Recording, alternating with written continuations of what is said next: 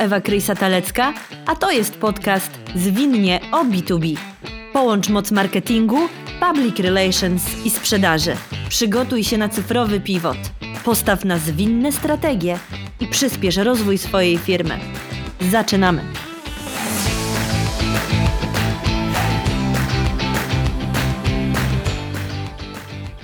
Cześć, dzisiaj tematem audycji jest social selling w B2B. Jest to bardzo właściwie modne określenie. Nie wszyscy wiedzą, co ono znaczy, ale dużo osób je wypowiada.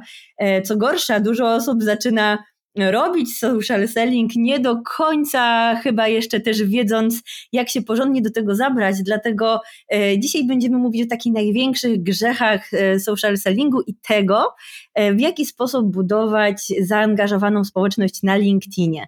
W związku z tym nie mogło zabraknąć osoby, która no, dla mnie jest taką twarzą social sellingu w Polsce, czyli Marcina Sokołowskiego, założyciela Sherby.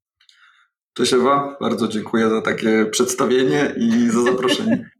Bardzo dziękuję. Powiem tylko pokrótce, czym jest Sherbi, bo jak sam Marcin y, śmiał się ostatnio w naszej rozmowie, y, Sherbi to taki nietypowy startup, Martech, e, firma, której rdzeniem jest platforma technologiczna do dystrybucji kontentu na LinkedInie, ale tak naprawdę dzisiaj jest takim social sellingowym kombajnem, e, który wokół tej platformy stworzył szereg e, bardzo przydatnych, pomocnych usług. Wszystko po to, żeby wspierać firmy duże, B2B, w tym, aby aktywizować pracowników, robić zgrabny social selling i w ogóle poruszać się na LinkedInie w taki sposób, w jaki dziś powinno się to robić.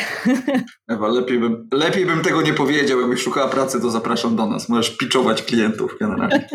Dzięki serdeczne. Marcin, no to zaczynajmy. Y, powiedz w takim razie, żebyśmy wszyscy byli na tej samej stronie.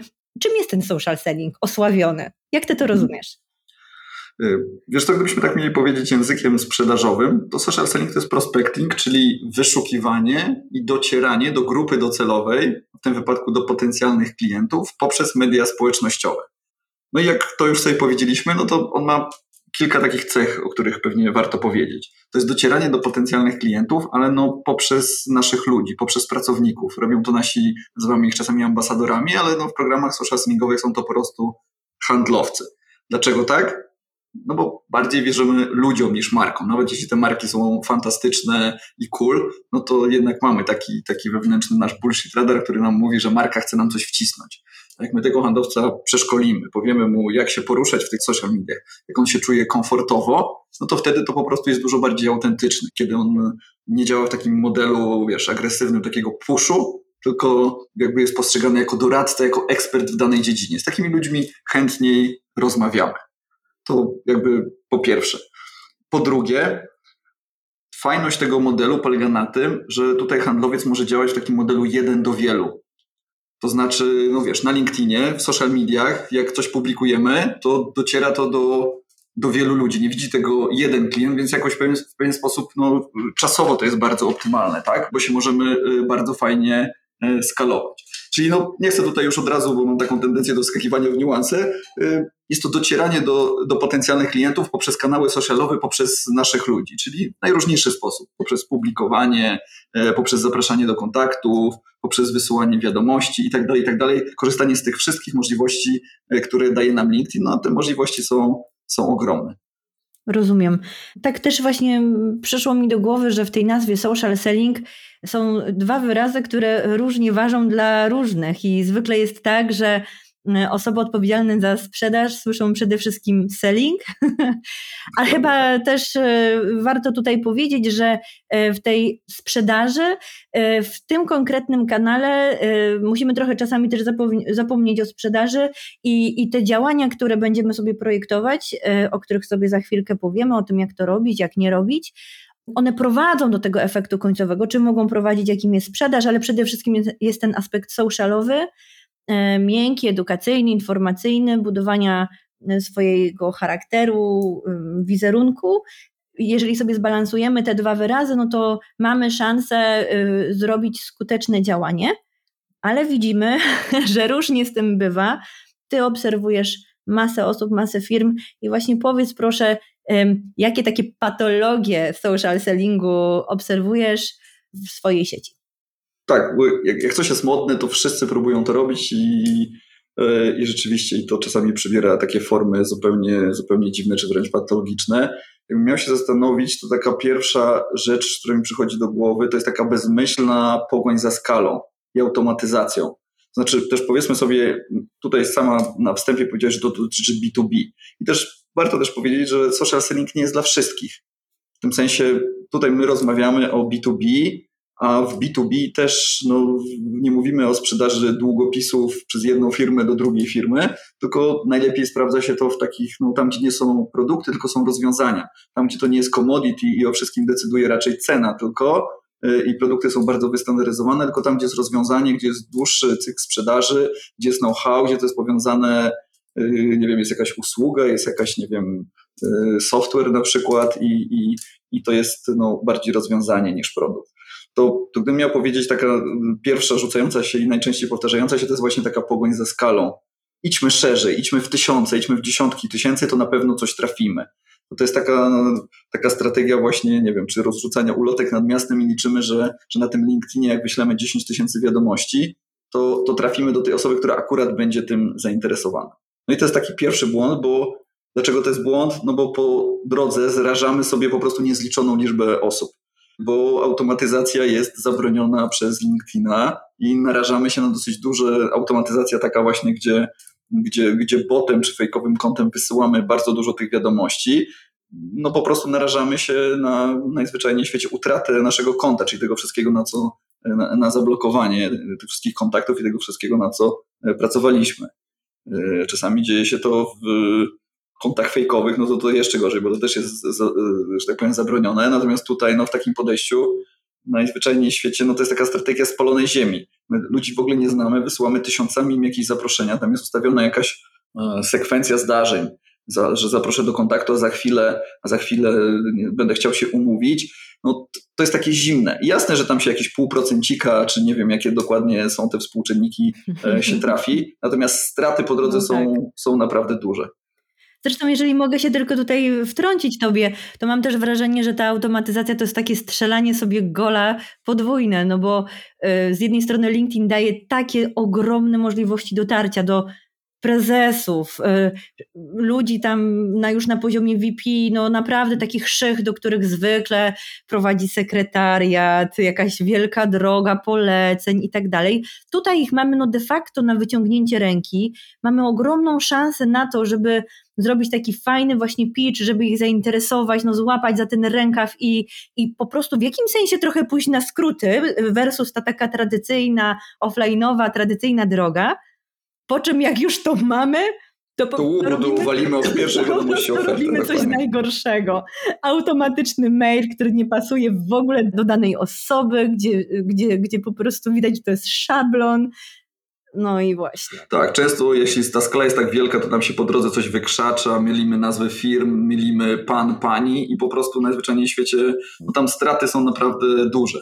No tak. Plus przy tej automatyzacji, no tam jest zawsze próba sprzedawania w pierwszym kontakcie. To jest dla mnie też zbrodnia. Nie mamy żadnej relacji. To jest tak, jakbym podbiegał do kogoś na ulicy i próbował go przekonywać do mojego rozwiązania. Nie pamiętam już, kto to powiedział, ale no taki prosty model. Give, give, give, take. Zanim coś będziemy chcieli wziąć od tego potencjalnego klienta, dajmy mu coś. Niech już, jak już, znaczy ja absolutnie nie polecam, ale jak już robisz tą automatyzację, to daj temu klientowi, zdziw go, że nie będziesz chciał umówić się z nim na spotkanie i, i mu coś sprzedać, już nie mówiąc wcisnąć, ale daj mu coś, niech to ma jakąś wartość. Daj mu mhm. coś, zrób mniejszą tą bazę.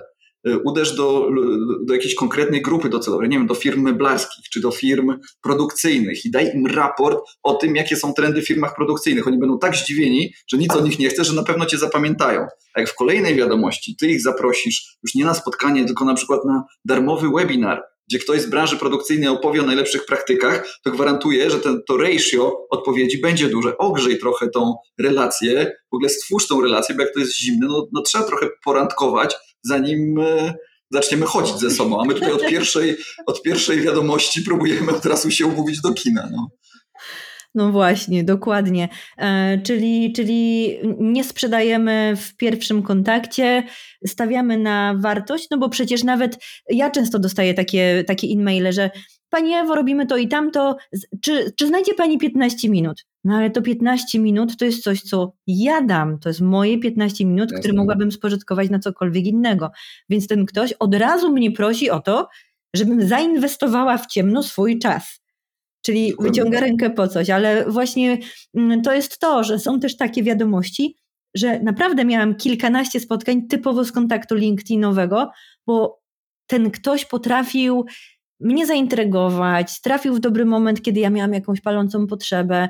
I na poziomie tych krótkich e-mailowych wiadomości stworzył mi e, taką bardzo fajną konwersację, gdzie ja nie czułam się przymuszona, ale już było wiadomo o co tutaj chodzi i to było właśnie taka fajna gra, która finalnie na przykład zakończyła się tym, że firma u nas zrobiła jakiś warsztat, mm, no, sprzedała jakąś tam swoją usługę, także można zrobić... Trochę dobrze. kreatywności dodać, no nie, nie lecieć takim szablonem. Ja na przykład ostatnio, to powiem szczerze, tak mnie to rozbawiło, już nie pamiętam, przyznam, że ten człowiek chciał, on napisał Panie Marcinie, chciałbym w spektakularny sposób zakończyć ten piątek, dołączając Pana do kontaktów, czyli tam dalej po prostu w tak zabawny sposób to yy, napisał tą wiadomość i widać było, że ona nie jest szablonu, że po prostu yy, wiesz, uśmiechając się oczywiście tam zaczęliśmy sobie, zaczęliśmy sobie yy, o czymś rozmawiać. Także wyróżnienie się trochę z tego tłumu i te takie też wiadomości, długość tych wiadomości też ma znaczenie. Jest, no bo jak widzę, że na dzień dobry ktoś po prostu wysyła mi taką, przyjmuje zaproszenie do kontaktu i dostaje po prostu mega na trzy strony opis po prostu rozwiązania od A do Z, no to w ogóle ktoś ma tutaj value proposition, ma nie, nieprzepracowane i, i w ogóle tą ścieżkę taką y, piczowania nie, nie, Jasne. nie Czyli wśród tych grzechów na razie mamy pogoń za skalą, automatyzację, próby sprzedaży w pierwszym kontakcie, zbyt długie wiadomości, a czy tak. takie grzechy, które nie, nie dzieją się w e-mailach, ale dzieją się na profilach, w ramach postów, które obserwujesz, które są takie najbardziej bolesne dla ciebie jako właśnie profesjonalisty social sellingowego, co byś tutaj zdefiniował jako takie właśnie grzechy? Wiesz co, brak y, konsekwencji, to też to nie jest łatwe, nie chcę tutaj krytykować, bo to, y, bo sam mam czasami z tym problemy, natomiast no, jak już zaczynamy robić ten social selling, no to oprócz tego, że powinniśmy mieć jakąś tam zdefiniowaną grupę docelową, do kogo chcemy dotrzeć, no to tutaj jest potrzebna konsekwencja.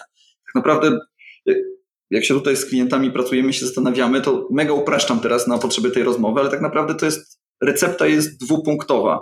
Na skuteczne zbudowanie marki wokół siebie, swojej marki osobistej. Publikuj regularnie dobrej jakości treści, takie, które, które trafiają w punkt bólu klienta, takie, którymi twój klient będzie zainteresowany, takie, takie które będzie chciał, po prostu wartościowe treści regularnie. I to wbrew pozorom to się łatwo mówi, ale to jest naprawdę cholernie trudne zadanie, yy, wykrzesać tyle czasu, żeby mm. przygotować. Dlatego dobrze jest na przykład, dlatego ja tak na przykład lubię wideo. Nie wiem, czy na przykład kojarzysz yy, Legalna Marta, nie pamiętam yy, dokładnie, ona ma pod nikiem Legalna Marta. To jest dziewczyna, która opowiada o rozwiązaniach Microsoftu.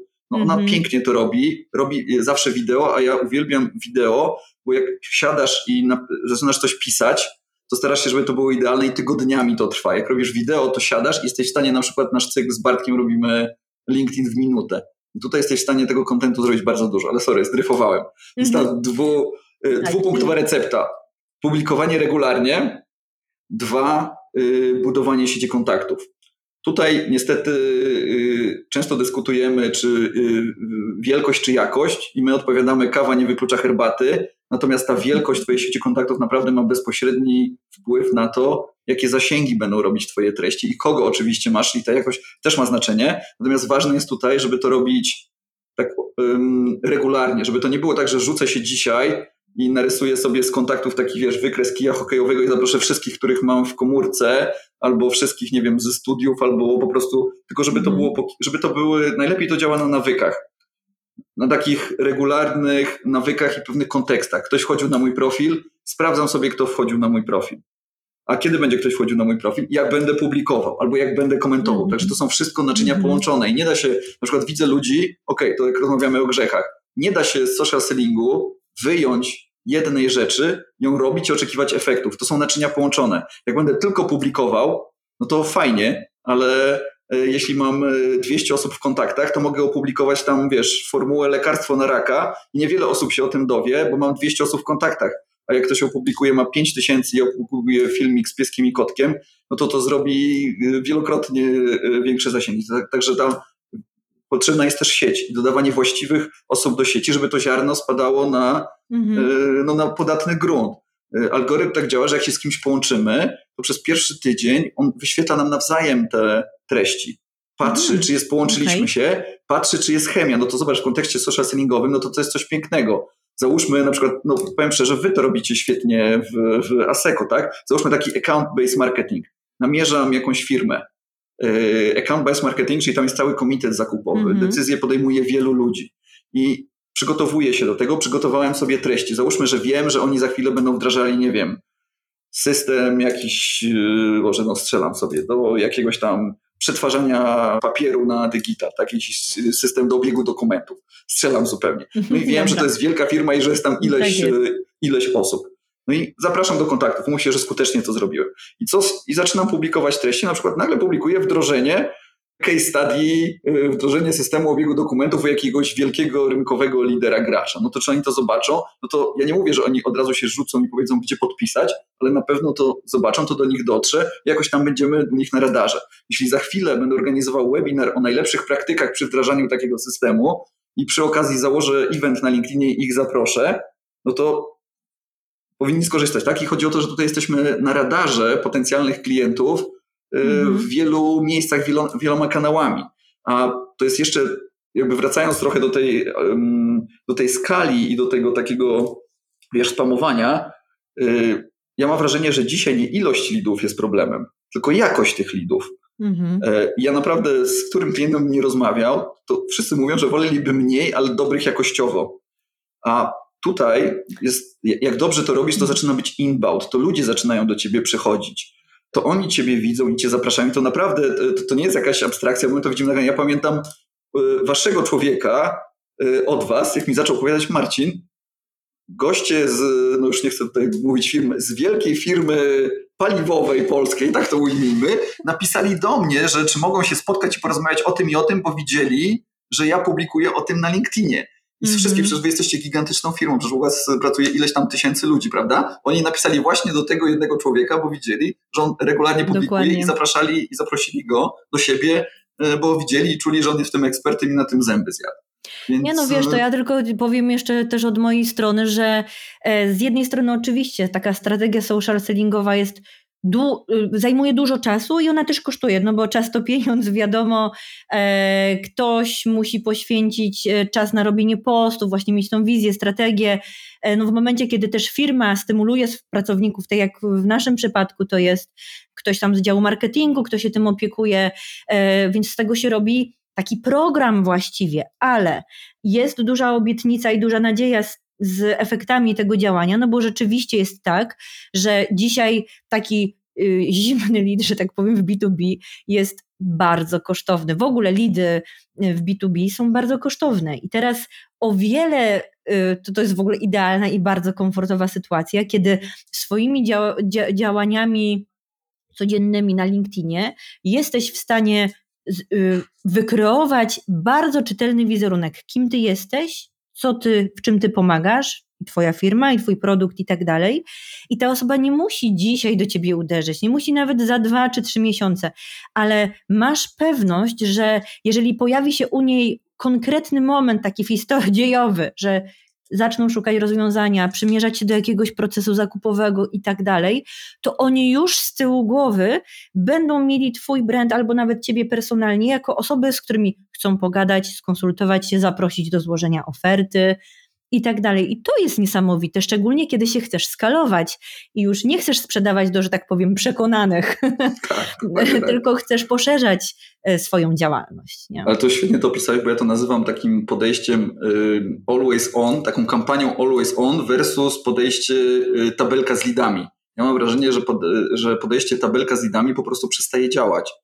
Bo jak uderzamy do tych, nie wiem, setek czy tysięcy ludzi, coś im wysyłamy i pytamy, i oni mówią, że nie, albo w ogóle nic nam nie odpowiadają, my kwalifikujemy ich jako, że to nie lead, że to nie jest potencjalny klient. Mm -hmm. To jest mhm. bzdura.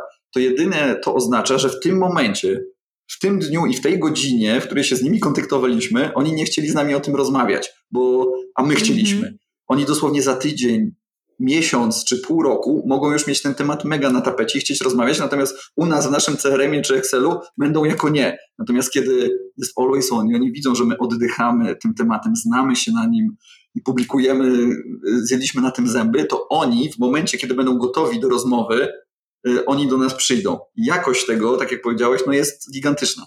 Sorry, to jeszcze nie prowadzi, bo mi otworzyłaś klapkę na jedną, y, na jedną mm -hmm. rzecz a propos tych błędów.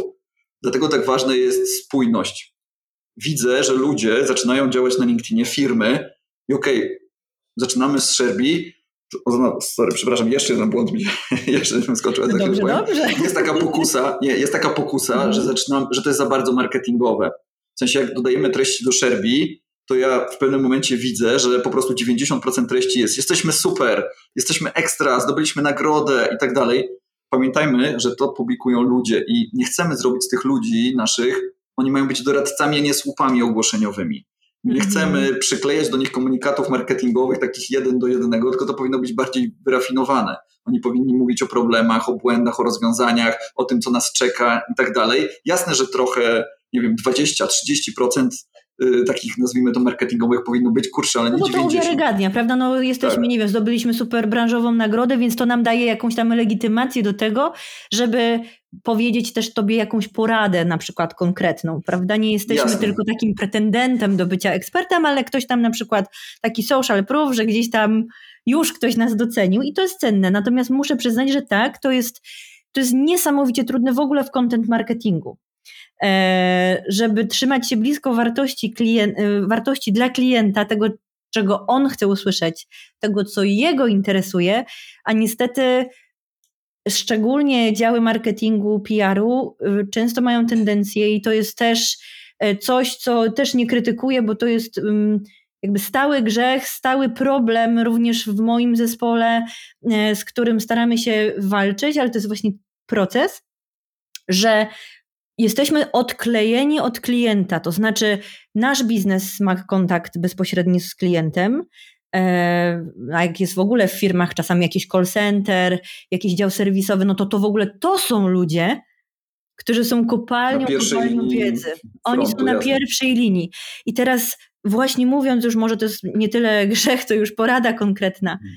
Bardzo istotnym elementem jest zlinkowanie ludzi z działu e, komunikacji, marketing, PR i tak dalej, z ludźmi, którzy mają wiedzę o kliencie, ponieważ my troszeczkę jako marketing czasami idziemy no, z klapkami na oczach. Od, odlatujemy czasami. Intuicyjnie, intuicyjnie Dokładnie. szukamy, ale czy to jest interesujące? Hmm.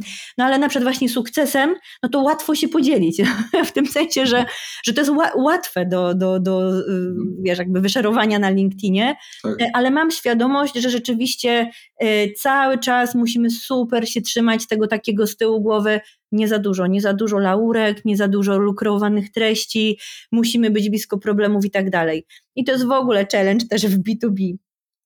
Była chyba taka książka They Ask You Answer, jeśli dobrze pamiętam, i tam był taki case człowieka, który zbudował cały content marketing, budując content, który był niemalże w 100% odpowiedziami na pytanie, które klienci zadawali w czasie rozmów sprzedażowych na stronie i tak dalej. No i on uznał, no idealnie on uznał, że skoro 80% pytań, które zadają klienci jest właściwie takie same czy problemów, to on da im odpowiedź od razu.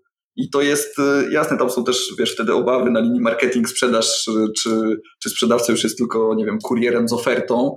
Mm. Natomiast w tak złożonych rozwiązaniach, które na przykład wy robicie, no to, to, to w ogóle nie jest case.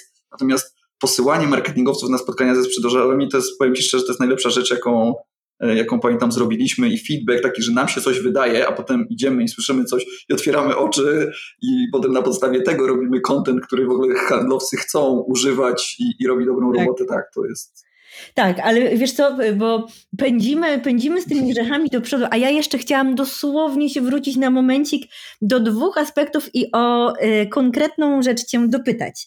Bo tak. mówiłeś o regularności y, dobrej jakości treści i teraz co to znaczy regularność? To znaczy, jak, co LinkedIn, bo nie każdy to wie, Re, lepiej robić to codziennie, y, trzy dni w tygodniu, dwa dni w tygodniu. Co jest wiesz, co? najlepszym, złotym jakimś, wiesz, częstotliwością? LinkedIn chciałby, według tam bloga LinkedIna, LinkedIn byłby szczęśliwy, gdybyśmy publikowali codziennie. Natomiast no, mm. jesteśmy realistami. Y, jak patrzymy na tą, wiesz, proporcję, tą taką piramidę, o tym, tą zasadę 99.1, czyli tą zasadę, która mówi o tym, jak konsumujemy social media, no to w tej chwili w Polsce widzimy, że treści robi mniej więcej 3% ludzi. 3% mm. ludzi robi treści, publikuje swoje treści. No to, mhm. to, to jest bardzo mało, dlatego LinkedIn strasznie ciśnie i dlatego tak lubi takie, nie wiem, platformy jak Sherby, no bo dzięki nam tych treści jest coraz więcej. Oni chcą, no bo, a treści sprawiają, że spędzamy tam więcej czasu. Natomiast co oznacza regularność? Bądźmy realistami, no nie, nie damy rady publikować codziennie. W sensie moglibyśmy, ale robiliśmy ostatnio takie ćwiczenie, patrzyliśmy na osoby, które publikują po kilkadziesiąt postów tygodniowo, kilkadziesiąt. I zadaliśmy pytanie ludziom, których mają w sieci, e, tutaj z kręgu naszych znajomych, czy widzą ich posty. Nie powiedzieli, że w ogóle nie widzieli żadnego posta. Więc. Yy, Czyli tną za... zasięgi, LinkedIn tnie tak, zasięgi. Tak, jeden post mhm. na dzień to jest maks, czyli mhm. jeden, bo potem, jeśli publikujesz dwa posty jednego dnia, to drugi post zaczyna kilować zasięg pierwszego, a suma zasięgów obu postów nigdy nie będzie większa niż tego pierwszego posta. Czyli maksymalnie jeden post dziennie. Natomiast ja uważam, że gdyby w ogóle robić jeden post dziennie, to w ogóle świat i ludzie, bo nie ma tyle, tylu tematów, chyba że jesteś jakimś po prostu ninją i ten, no bo ten LinkedIn, umówmy się, dla handlowców, no to, to musi być jakiś wycinek, no przecież oni nie rzucą wszystkiego, nie będą tylko na LinkedInie. No jasne, że mają Sherby, to pomaga, ale nawet. Znaczy, ja mhm. mówię złoty środek, bo pytałeś o złoty mhm. środek. Moim zdaniem takie złoty środek to są dwa, jak da radę trzy posty tygodniowo, to, to naprawdę będzie idealnie. Jak pracujemy z, wiesz, z firmami, które mają Sherby, to zwykle umawiamy się dwa posty z Content Hubu, czyli takie, które wiesz, są przygotowane, tylko że ktoś je sobie już tylko do mhm. rzeźbi i opublikuje, i jeden własny, czyli jeden z kreatora postów. Okej, okay, czyli jeśli chodzi o częstotliwość, mówimy 2-3 posty tygodniowo, natomiast y, mówiłeś również o tym poszerzaniu y, kontaktów. I chciałam Cię tak. zapytać o to, jakie są przepisy LinkedInowe dotyczące wolumenu tych zaproszeń, bo ostatnio jak jechałam gdzieś tam w podróż e, samochodem, to postanowiłam trochę skonsumować ten czas na zapraszanie różnych ludzi na LinkedInie i w pewnym momencie dostałam takiego jakiegoś pusza. Brawo Ewa, mm, Dobrze budujesz widzimy, sieć. że świetnie budujesz sieć, ale potem sobie pomyślałam, czy to nie jest przypadkiem jakaś żółta kartka i zaraz tak, tak. bana. czy możesz coś na ten temat jeszcze powiedzieć? Bo to też jest taki grzeszek, że jak już ktoś siądzie, to pozaprasza, no i może mieć kłopoty, prawda? Y to jest właśnie sposób, y, że LinkedIn broni się przed automatyzacją, no bo mm. ona oprócz tego, że psuje trochę społeczność, to ona najzwyczajniej odbiera im pieniądze. No bo LinkedIn chce, żebyśmy używali ich y, płatnych narzędzi, takich jak e-maile, takich jak konta premium. Jak masz konta okay. premium, to możesz wtedy wysyłać y, wiadomości nie tylko do, do, do, do jedynek, no bo, no bo jak masz takie normalne, zwykłe konto, no to nie możesz człowiekowi wysłać wiadomości, jeśli nie jesteś z nim połączony, więc musisz być połączony, no więc LinkedIn wprowadza limity najzwyczajniej w świecie. Wiesz co, wydaje mi się, nie wiem, czy cały czas to obowiązuje, bo pamiętam, że wiesz, my mamy bardzo dużo też HR-owców, pracujemy z firmami, wiesz, employer branding tak. dla HR-owców, y, no to jest takie naturalne środowisko, jedni z tych kandydatów po prostu setkami. Był taki moment jeszcze parę miesięcy temu, że był limit do 100 tygodniowo, ale wydaje mi się, ponieważ teraz z kolei LinkedIn dał nam możliwość że możemy mierzyć wielkość sieci, bo robimy z tego KPI właśnie w programach social sellingowych. I ja widzę teraz w Sherby, jak ostatnio tam z jakimś klientem rozmawialiśmy, yy, widziałem, że jakaś osoba dołączyła ponad 500 w skali 30 dni. No to znaczy, że to na pewno jest, yy, to jest już wow. więcej. No tak, ale to są tu głównie herowcy, wiesz, herowcy to po prostu, ja dlatego bardzo lubię mieć w programie herowców, bo oni mają gigantyczne sieci, mm -hmm. jak oni coś opublikują, jak oni coś skomentują, polajkują, to zasięgi nam naprawdę, wiesz, lecą w kosmos. To, to pokazuje, że wielkość sieci ma znaczenie.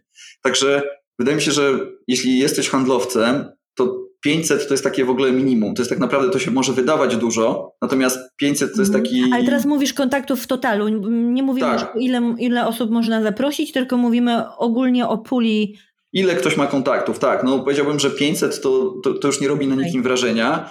Znaczy, może bardziej zamiast o liczbach takich bezwzględnych, wolałbym powiedzieć o mechanice tego zapraszania. Bo tu nie idźmy na ilość, idźmy na jakość i idźmy na takie codzienne nawyki. I te nawyki i te naczynia połączone, o których mówiłem, są takie. Mm naturalnym kontekstem, kiedy zapraszamy kogoś do kontaktu, jest to, że odwiedzą nasz profil.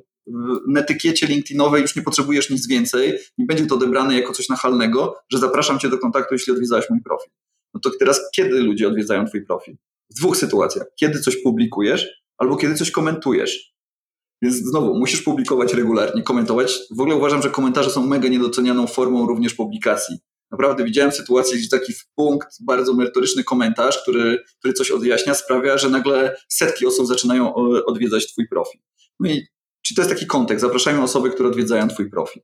Zapraszajmy osoby, które na przykład zostawiają reakcje pod Twoimi postami. I to jest standard, nie wiem, czy zwróciłeś uwagę, że LinkedIn grupuje te wszystkie reakcje. I jak wejdziesz, można kliknąć na te reakcje i on je tak grupuje, że na górze są jedynki, a jak poskrolujesz sobie na dół, to potem są dwójki i trójki. Mhm. Ludzi, którzy zostawili reakcje. Zauważyliśmy, że w ogóle nie trzeba pisać notatki. Wypadałoby pisać notatkę, tak mówi etykieta LinkedInowa. Jeśli ktoś zostawi reakcję pod twoim postem, nie musisz pisać notatki, zaprosisz do kontaktu, więc jeżdżasz do dwójek, trójek, patrzysz, kto tam jest potencjalnie mhm. interesujący zapraszasz. I my takich scenariuszy, kontekstów mamy zmapowanych kilkanaście, gdzie ludzie naturalnie przyjmują te zaproszenia. A jak przyjęli twoje zaproszenie, to zobaczą twoje następne publikacje. Więc znowu, to jest, wiesz, taka mechanika w której Jasne. trzeba utrzymać ciągłość i to się, to się zapętla. No dobra, y, to super. Mamy tutaj już pełną jasność. Mówiliśmy też już o tej spójności treściowej, a powiedz, y, czy też to obserwujesz? Chodzi mi o taką niespójność wizerunkową osób. To znaczy, to budowanie alter świata na LinkedInie, bardzo lukrowanego, wszyscy są very successful i tak dalej. No i potem właśnie co? Dochodzi do jakiejś interakcji, spotkania już na żywo na przykład. E, no i się okazuje, że e, no, na przykład ta osoba jest jednak bardzo niekomunikatywna albo właśnie nie mówi po angielsku, w którym publikuje. No i teraz e, co ty, co ty myślisz o tej spójności wizerunkowej, czy raczej niespójności? Obserwujesz to też często, bo ja tak, ale zastanawiam tak, się. Tak, widzę, widzę. I znaczy, wiesz to, Ewan, bo ty to dokładnie nazwałeś, opisałaś, to mam takie trochę mm, ambiwalentny do tego bo stosunek, no bo tak, z jednej strony to pokazuje, że ten LinkedIn działa i naprawdę można w relatywnie dzisiaj, mhm. jest 5 milionów ludzi na LinkedInie teraz. Będzie, mhm. ja oceniam, że będzie 15-17. Co oznacza, że dzisiaj jest po prostu łatwo jest relatywnie łatwo zbudować swój wizerunek jako eksperta w jakiejś dziedzinie. Problem polega na tym, że nie trzeba mieć doświadczenia, yy, że, że nie trzeba być prawdziwym ekspertem, żeby to zrobić. No i dla jednych to jest super zaleta i będą się pompowali i pokazywali najlepszą wersję siebie. No i tak po prostu jest. Nie chciałbym tutaj, wiesz, ani za bardzo. No tak po prostu jest. Tak, jest dokładnie tak, jak powiedziałeś. Miałem parę razy zgrzyt, w różnych kontekstach. Ludzi, których próbowałem zatrudnić, znaczy zapraszałem na rozmowy, bo wydawali mi się ekspertami, bo właśnie widziałem ich treści, bo pozycjonowali się w jakiś sposób mhm. i potem niestety na spotkaniu face to face okazywało się, że król jest nagi. I że, I że byłem bardzo zaskoczony y, tym rozdźwiękiem pomiędzy tym, co widziałem w social mediach i na LinkedInie i tym, co, y, co mhm. widziałem, wiesz, na żywo. Mhm. Czyli musimy pamiętać, krótko mówiąc, że oczywiście LinkedIn różni się od Facebooka, od Instagrama. Jest to mm, środowisko profesjonalne, natomiast nie, nie możemy zapomnieć o tym, że powinniśmy zachować pewną spójność z tym, jacy w biznesie jesteśmy w ogóle. Nie budować e, jakiejś altery rzeczywistości. Także super. I pytanie jest teraz takie, no bo troszeczkę już wychodząc z tych błędów i grzechów, jeżeli meritum jest budowanie społeczności na LinkedInie, no to teraz y, jak, jak to zrobić, żeby, żeby to robić dobrze po prostu, bo powiem Ci szczerze, że mhm. y, właśnie to, w jaki sposób robicie to w Szerbi i jako zespół, y, rój, rój pszczół, Ul. Jak, ul, ul. I jako takie gdyby jednostki, gdyby was też tak na, na was spojrzeć z osobna, no to na tych właśnie dwóch poziomach y, robicie to w bardzo zgrabny sposób. I właśnie lubię mówić, że znam takie przykłady, że szewc nie zawsze bez butów chodzi, bo Wy doradzacie, jak robić social selling, a jednocześnie sami robicie go w sposób bardzo, bardzo dobry. Nie wiem, na ile to jest kwestia wyszlifowania, na ile naturalnych zdolności, to już wiesz, nie musimy nad tym się teraz pochylać. Natomiast e, powiedz mi proszę, no jaka jest Wasza recepta na to, żeby właśnie tą super społeczność wokół brandu mieć? Zacznę przewrotnie. Widziałaś, widziałaś dzisiejszy, dzisiejszy mem na naszym profilu firmowym? No przyznam się bez bicia, że jeszcze nie. Jeszcze na LinkedIn od rana. Jest taka kampania, gdzie są te dzieci, dużo się o tym rozmawiało. A, gdzie są tak, te... I myśmy no. to przerobili na gdzie są te lidy. i zrobiliśmy y, lata 90., rok 2000 i dzisiaj, że kiedyś to był y, telefon, potem maile, a dzisiaj to jest LinkedIn i, i gdzie są te lidy. I to jest trochę, pośrednio odpowiadam na twoje, y, na twoje mhm. pytanie. Wiesz co, myśmy po pierwsze, no nie chcę tutaj jakoś tak, wiesz, nas zgloryfikować, ale myśmy dobrze odrobili pracę domową. Mam na myśli spójność, bo mam wrażenie, że, że jednak mamy tą spójność, a jak zobaczysz nasz nowy branding, to mam nadzieję, że dopiero powiesz wow. My jesteśmy pszczoły. I zobacz, Sherby, od nazwy firmy Sherby, pszczoły, mm -hmm. które mhm. się dzielą, jak, jak pomyślisz o tym, jak działa nasza platforma i odniesiesz to, co my robimy do ULA, to, to to jest bardzo fajna analogia. Jak zobaczysz naszą komunikację, jak my mówimy, zapylamy na webinar, dzielimy się miodem, nasz hashtag show me the honey, to myśmy naprawdę, myśmy usiedli i powiedzieli why, what i how. Do kogo po co chcemy to robić i co, mm. jakie jest nasze value proposition, do kogo uderzamy i co kręci te osoby, jakimi, jak mamy do nich docierać i jak to zrobić. Więc Czyli macie strategię, krótko no, mówiąc. No, mamy strategię, dokładnie, mamy strategię. Bo grzechem plus... jest brak strategii, który też, może to nie padło tak wprost, ale ten brak strategii po prostu jest od razu wyczuwalny, bo się przekłada na niespójność, chaos, mhm. mm, szybkie wypalenie takie w czasie, no bo nie wiadomo do końca dokąd się zmierza, jaki jest gdzieś tam cel, a wy y, przede wszystkim macie dobrze przemyślaną strategię. Tak, my siebie sami challenge'ujemy, wiesz, jak sami coś robimy, to my sami siebie challenge'ujemy, mówimy, ale okej, okay, może to będzie fajne, ale po co mielibyśmy to robić? Jaki to rozwiąże nam problem? Czy to nam dostarczy klientów? Czy jak wrzucimy filmik na TikToka, to się po prostu dobrze będziemy bawić, ale kompletnie nic, wiesz, z tego nie będzie. Czyli to yy, why, what i how, czyli wiemy do kogo mówimy. No i wiesz co, sposób w jaki to robimy. Yy, wydaje mi się, że też yy, to ma znaczenie. W sensie, no, nie ma magicznej receptury, to jest ludzie, Y, sama zauważyłeś, że myśmy zdecydowali, jak patrzymy, jasne, że podziwiamy, podziwiamy Satka, Brand24 i tak dalej, ale na przykład nasz, nasza refleksja, moja refleksja była taka, że ja y, nie będę próbował być tutaj twarzą jedną Sherby, tylko jeśli my mówimy, że, że najlepsi eksperci siedzą przy biurkach obok i mówimy, że social selling i employee advocacy, no to my dokładnie tak chcemy robić, więc mamy Bartka i wymyśliliśmy sobie y, wiesz, cykl LinkedIn w minutę. Jeśli mówimy, że wideo działa, to my po prostu robimy to, co Mówimy mhm. klientom, że działa i robimy to sami, pokazujemy, że to działa. Mamy Karola, który jest super ekspertem w digitalu, który jest od platformy, mamy Anię i zobacz, jak pomyślisz Sherby, to nie myślisz o jednym człowieku, tylko to jest tak, jak powiedziałeś, to jest ul, to jest rój. I ci ludzie to są po prostu ciekawe osobowości i my tutaj, każdy z nas ma ego na odpowiednim poziomie i my nie rywalizujemy ze sobą, a czasami jak rywalizujemy i kopiemy się po kostkach w taki wesoły sposób, bo wiesz, mamy, wydaje mi się, że wiesz, to ja dopiero jak założyłem swoją firmę, to zrozumiałem, dlaczego kultura zjada strategię na śniadanie. I rozumiałem, że ludzie w mojej firmie będą oddawali tutaj serce i pracowali, jeśli będą zadowoleni i jeśli będą jasne zasady. I po prostu tak jest w Sherby. My mamy ustalone zasady, które sobie powtarzamy, wierzymy w nie, przyjmujemy określony, określony typ ludzi, mamy dosyć tą mm -hmm. rekrutację taką wieloetapową i to potem najzwyczajniej w świecie procentuje. Wydaje mi się też, że jesteśmy dosyć no, kreatywną ekipą i mi się po prostu wiesz, bawimy słowami, y, sami robimy jakieś, mamy tutaj ludzi, którzy prowadzą swoje jakieś side projecty, y, konta, mm. blogi i tak dalej i to po prostu my się wzajemnie napędzamy, inspirujemy, a czasami też challenge'ujemy.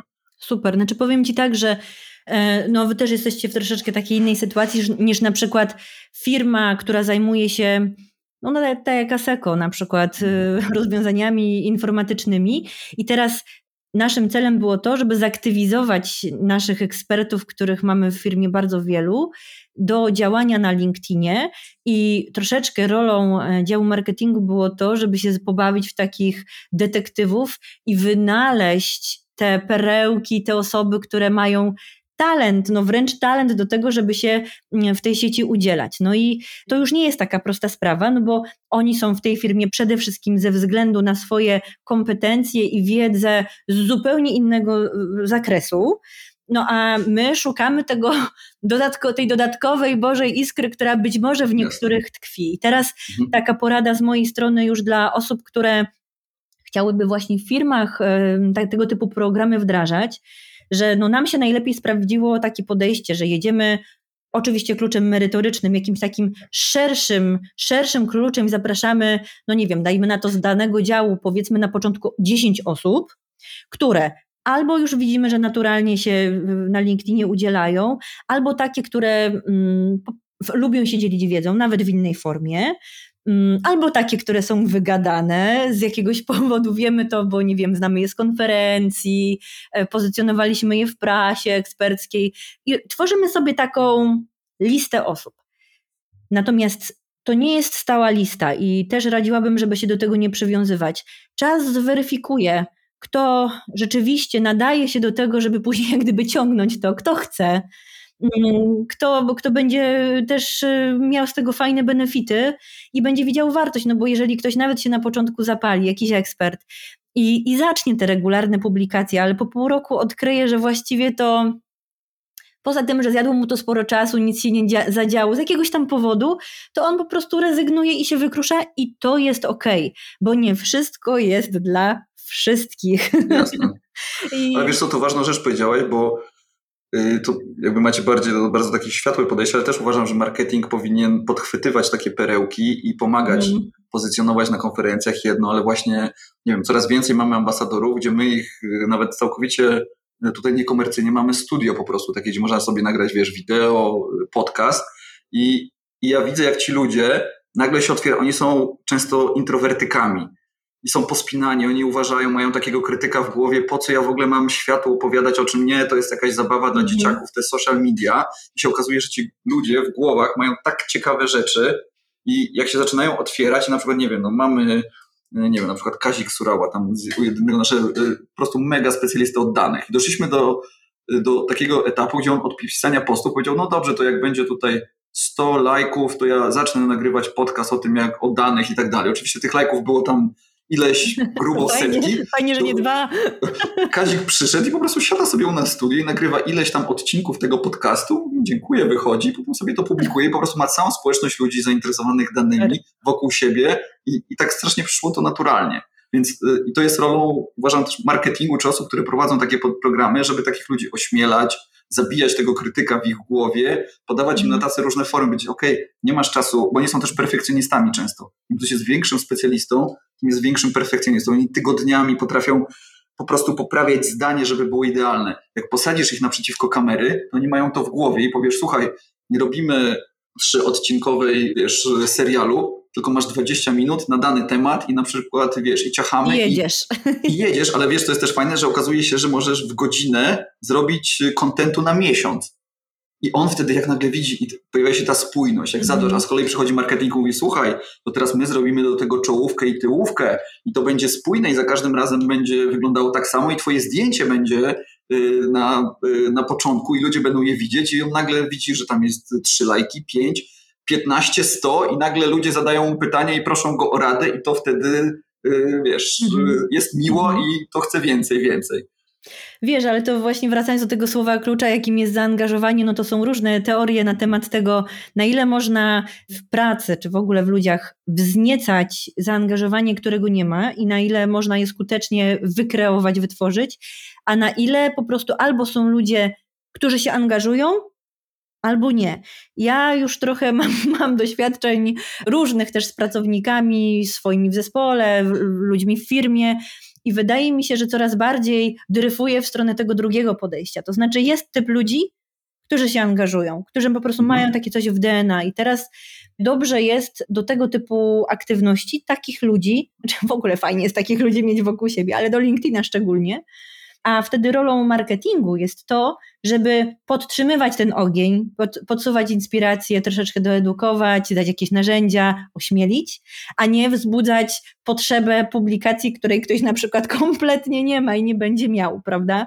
I teraz jakby troszeczkę już kończąc i, i zataczając klamrę, to Wspominałam Ci w naszej ostatniej rozmowie, że Wasza konferencja LinkedIn Local Virtual, którą organizujecie jako Sherby, mhm. jest dla mnie takim niesamowicie fajnym przykładem na to, jak można zrobić event online, uzyskując spotkanie, które jest niesamowicie popularne, które jest merytorycznie wartościowe, ale które ma taką fajną iskrę, takiej po prostu dobrego, ubogacającego na wielu poziomach spotkania.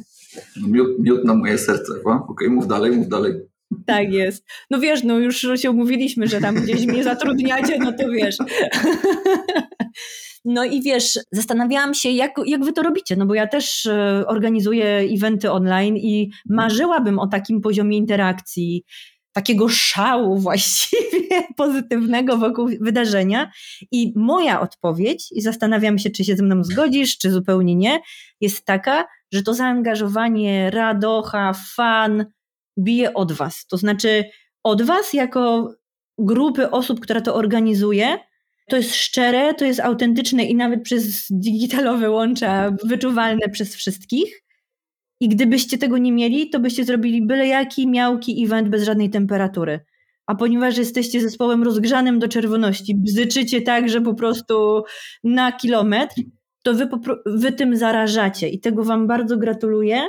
No myślę, że to jest taki święty gral, e, jeśli chodzi o eventy i marketing w ogóle. Także E, z jednej strony laurka i, i, i, naprawdę szacun, który ode mnie płynie, no ale jestem ciekawa, ty jako szef firmy też, czy, jak, jak, na, jak ty na to patrzysz, na ten, wiesz, czy ty się ze mną zgadzasz? Nie, no w 100% się zgadzam, że wiesz co, my, się, no, my jesteśmy strasznie młodą firmą, Ewa. Zobacz, my jesteśmy jakiś tam gośćmi, którzy odeszli, wiesz, z korporacji i nie wiedzieli, czy nam się uda, czy się nie uda i wiesz, super się udaje i nas to po prostu to, to się wcale nie musiało udać. Więc nam idzie dobrze, okazało się, że inni wierzą w to, co my, że klienci to doceniają, to jak my robimy ten event, no to my sobie, wiesz, my sobie, jak otworzymy rejestrację, to my sobie codziennie na koniec dnia piszemy, ile osób się zarejestrowało. I tutaj się zdarza, że my sobie na koniec dnia otwieramy jakieś winko, bo nagle 400 osób jednego dnia się zapisało i robimy sobie zdjęcia z tego yy, i porównujemy do, do poprzedniej edycji. Także tak jak powiedziałeś, nas to po prostu jara. Nie dalej jak wczoraj, siedliśmy sobie i mieliśmy pierwsze spotkanie nad edycją jesienną. I wiesz, od czego my zaczynamy? To jest też, no wiesz, jakaś tam ciężka praca, której nie widać. Y, Ania, nasza marketingówka, po prostu przyniosła wydrukowane wszystkie ankiety i feedback, które ludzie powiedzieli po poprzedniej edycji. Myśmy zaczęli od czytania tego, co ludzie chcą i co mówią, że im się podoba, co nie podoba. Mhm. Y, mówią, dobra, mówią, dołóżcie spotkania tematyczne dzień. No i się zastanawiamy, czy, czy damy radę dołożyć jeden dzień. Mówimy, no dobra, damy radę, dokładamy jeszcze jeden dzień i będą tematyczne. Co ludziom się nie podobało, czy potrzebujemy więcej plus, czy tego. I to jest takie, no po prostu wiesz, dostarczanie ludziom tego, co chcą. A ponieważ my jesteśmy młodą firmą, to zdecydowaliśmy, że musimy dopiero budujemy tą społeczność właśnie i zdecydowaliśmy, że robimy wszystko za darmo, że cały koszt bierzemy na siebie, że jak zrobimy coś płatnego, to może to będzie bardziej targetowane, może będzie bardziej grupa docelowa, ale zależy nam, żeby jak najwięcej osób się dowiedziało. No jesteśmy na tym etapie budowania i siania. Więc mm -hmm. dlatego wiesz, no mieliśmy 2,5 tysiąca ludzi na poprzedniej edycji. Ja nie mam złudzeń, że gdyby to była płatna konferencja, to byłoby mniej. Natomiast też bardzo technologicznie, wiesz, my jesteśmy dosyć sprawni technologicznie. Mamy swoje studio i ta e, realizacja wydaje mi się jest fajna. Taka, że zatraca się trochę, mm -hmm. wyciskamy wszystko, co się da z tego, że to jest spotkanie digitalowe, i jeszcze ostatnia rzecz już na koniec, bo już widzę, widzę na ten mm -hmm. zegar, który styka. Zobacz, że w, tym, w tej konferencji jest szerwi trochę, ale to nie jest przytłaczające. My się zastanawiamy, co chciałby usłyszeć nasz klient i patrzymy sobie na tematy i my nie mamy stresu. Mm -hmm. Mieliśmy, ale już nie mamy. My zapraszamy konkurencję nawet. Jak mówimy, dobra, to my powiedzieliśmy o tym, ale kto powie o takim temacie? To pierwsze pytanie jest, a kto będzie najlepszy? I się okazuje, że jest jakaś osoba czy firma, która jest konkurencją. Mówimy, no i co z tego? No i co z tego, że będzie powie, to co jak my tego nie zrobimy, to przecież ona pójdzie i powie o tym gdzie indziej. Niech powie o tym na naszej konferencji i już, no. Ona trochę zyska, ale my też zyskamy. Ostatecznie zapraszasz do siebie, od razu pokazujesz, kto, kto gdzie jest. No, dokładnie, nie, no dokładnie Ty tak, wiesz. wiesz. A to, że się nie boisz konkurencji też pięknie mówi o tobie, także... Wydaje mi się, że w imię właśnie, wiesz, dzielenia się wiedzą i, i budowania jakiejś społeczności jest tym jakaś wartość. Zobacz, bo firmy też są mhm. pospinane pomiędzy mówieniem czegoś na zewnątrz, że oddadzą mm. know-how, wolą powiedzieć. My już porzuciliśmy te obawy. Dzielimy się wiedzą, dzielimy się tym i zobacz, no jakoś tam z Twoich słów wynika, że, że warto. Super, naprawdę yy, powiem Ci, że, że robicie to całkiem nieźle. Jest przyjemnością Was i obserwować, i Wasz rozwój, i, i też z Wami współpracować. Także reasumując, bo, bo pytanie tej drugi, na tą drugą część brzmiało, jak budować zaangażowaną społeczność wokół marki na LinkedInie i wydaje mi się, że przede wszystkim samemu trzeba być zaangażowanym, bo bez tego paliwa nigdzie się nie pojedzie i to jest podstawa. Dobierać właściwych ludzi z właściwą aurą, o właściwej temperaturze, a wtedy już to operacyjne działanie po prostu będzie szło gładko i w takiej spójności i autentyczności ludzie będą wtedy to kupować po prostu. Dokładnie. Marcin, dzięki serdeczne za bardzo ciekawą rozmowę. Dzięki za zaproszenie, Ewa. To jeszcze raz wszystkiego dobrego i działajcie dalej, rozwijajcie skrzydła i czekam na ten rebranding. Mam nadzieję, że Ci się spodoba. Będziesz jedną z pierwszych osób, którego zobaczy. Jeszcze raz dzięki. Strasznie Super. dobrze mi się z tą rozmawiało. Trzymaj Dziękuję się. Dziękuję bardzo. Hej, hej. hej.